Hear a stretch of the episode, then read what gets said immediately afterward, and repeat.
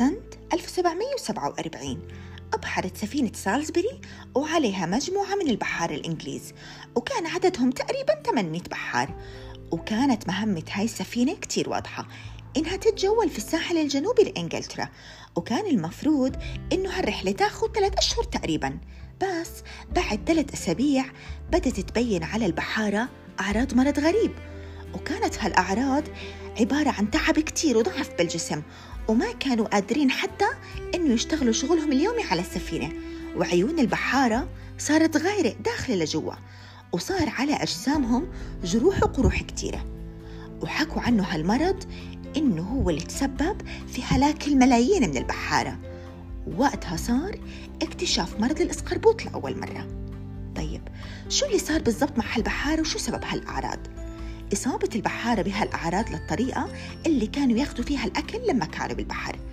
أو كانوا فعليا ياكلوا الأكل المعلب. وما كانوا ياكلوا أي أكل طازج لا خضر ولا فواكه.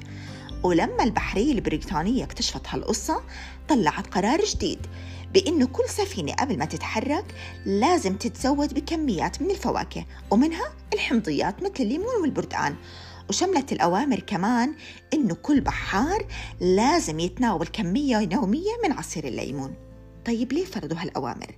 لأنه في طبيب إنجليزي اسمه جيمس أثبت بسنة 1767 إنه الحمضيات بتمنع ظهور هاي الأعراض عند البحارة وهون اكتشفوا بالضبط فايدة فيتامين سي طيب شو هي أعراض نقص فيتامين سي؟ شو هي فوائد فيتامين سي؟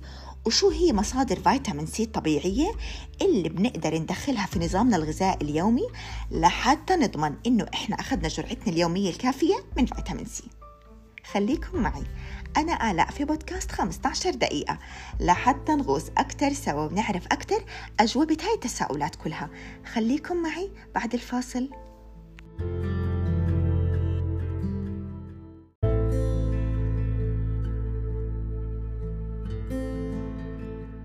حابة نحكي بالأول شوي عن اكتشاف فيتامين سي.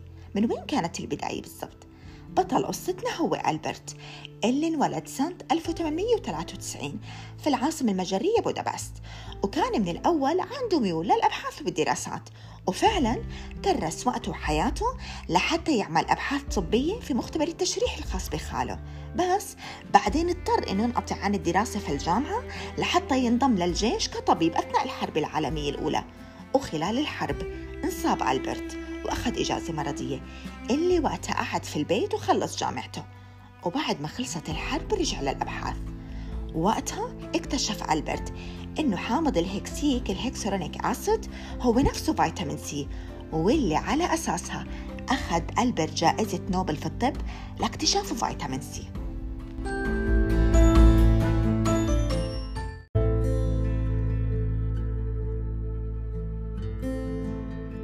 فيتامين سي أو ال ascorbic acid هو واحد من الفيتامينات اللي بتدوب في المي وإله دور كتير كبير في تعزيز عمل جهاز المناعة والمحافظة على صحة الإنسان.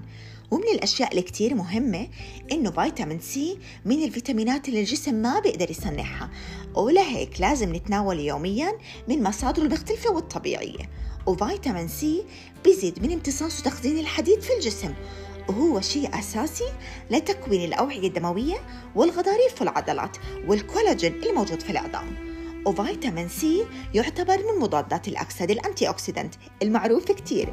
إنها مهمة للبشرة ونضارتها وإشراقها.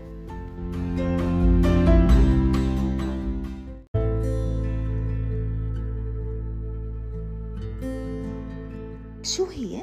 أعراض نقص فيتامين سي اللي بتعطينا مؤشر إذا إحنا مصابين بنقص فيتامين سي أو لا. أول عرض وأكثر عرض شائع هو نزيف اللثة. لأنه نزيف اللثة أو تورمها من أبرز علامات نقص فيتامين سي بالجسم وممكن يوصل الموضوع لحد فقدان الأسنان. والعرض الثاني هو زيادة الوزن. زيادة الوزن فجأة وبدون سبب ممكن يكون مؤشر لنقص فيتامين سي بالجسم وهذا يمكن يؤدي لتراكم الدهون بالمناطق اللي فيها عضلات ضعيفة بالجسم خصوصا منطقة البطن. ثالث عرض هو ضعف المناعة لأنه نقص فيتامين سي بيؤدي لضعف جهاز المناعي وبالتالي بصير عندنا زيادة خطر الإصابة ببعض الأمراض لأنه فيتامين سي بيساهم بإنتاج كريات الدم البيضاء المسؤولة عن مكافحة الالتهابات والبكتيريا. ورابع عرض هو التعب والإرهاق اللي حسوا فيه البحارة لأنه فيتامين سي بيعمل على تعزيز الحالة المزاجية وزيادة النشاط الجسم وإذا نزل فيتامين سي بالجسم ممكن نحس بالتعب والإرهاق والقلق والتوتر وخامس عرض واللي يعتبر الأهم هو بطء التهاب التئام الجروح ليه؟ لأنه انخفاض فيتامين سي بالجسم بيقلل من إنتاج الكولاجين وهذا بيسبب بطء في عملية التئام الجروح وهذا للأسف بزيد من فرصة الإصابة بالعدوى.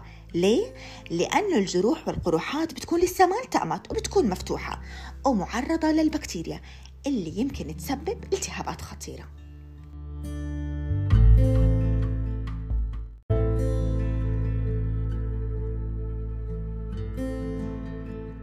وبما إنه حكينا عن أعراض نقص فيتامين سي بدنا نحكي هلا شوي عن فوائد فيتامين سي لما نتناوله بكميات مناسبة.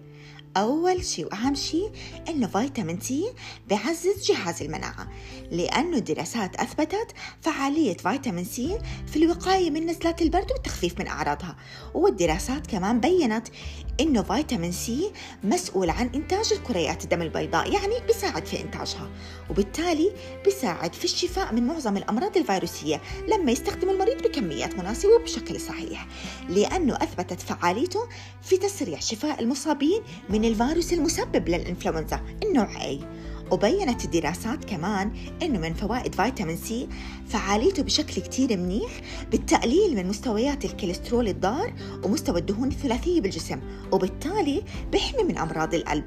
وثالث فائدة إنه فيتامين سي بيعزز من صحة العيون وفي كتير من الإثباتات على دور فيتامين سي في منع تطور التنكس البقعي ال macular degeneration وهو اضطراب بيرتبط بالشيخوخة وبيؤدي لفقدان البصر.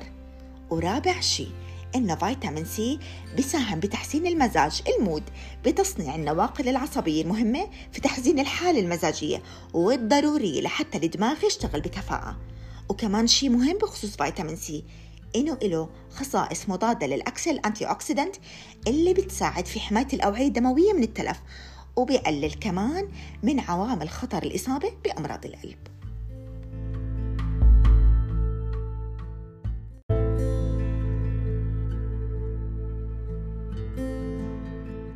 هلا وصلنا للجزء المهم من حلقتنا. شو هي المصادر الطبيعية لفيتامين سي؟ وشو هي الخضار والفواكه اللي بتحتوي على فيتامين سي؟ وشو البدائل الغير طبيعية لفيتامين سي؟ أول مصدر هو الفلفل الأحمر. الفلفل الأحمر بيحتوي على كميات كتير كبيرة من فيتامين سي. وكمان الفلفل الأحمر فيه كميات منيحة من فيتامين A فيتامين B والبوتاسيوم والفسفور وفيتامين سي موجود كمان في البروكلي والزهرة واللفت والبندورة وفي الفواكه فيتامين سي موجود في الأناناس والحمضيات والمانجو والكيوي والجوافة بكميات كتير كبيرة.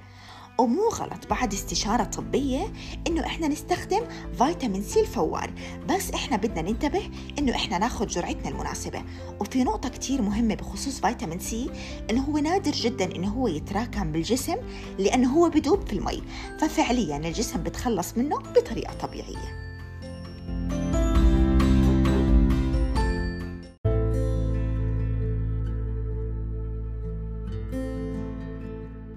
نظامنا الغذائي عامل أساسي مهم كتير لحتى نحمي حالنا من نقص فيتامين سي وأكيد لازم نعمل اللي علينا بأنه ناخذ جرعتنا اليومية من فيتامين سي من مصادره الطبيعية والمتاحة. للكل خصوصا أنه متوفر بأغلب الخضار والفواكه اللي بنعرفها واللي عم بتكون جزء من مائدتنا اليومية. إن شاء الله يا رب تكونوا أنتوا وأحبابكم بصحة وعافية عطول كنت معكم أنا آلاء في بودكاست فيتامين سي والاكتشاف اللي صار بالصدفة. كونوا بخير.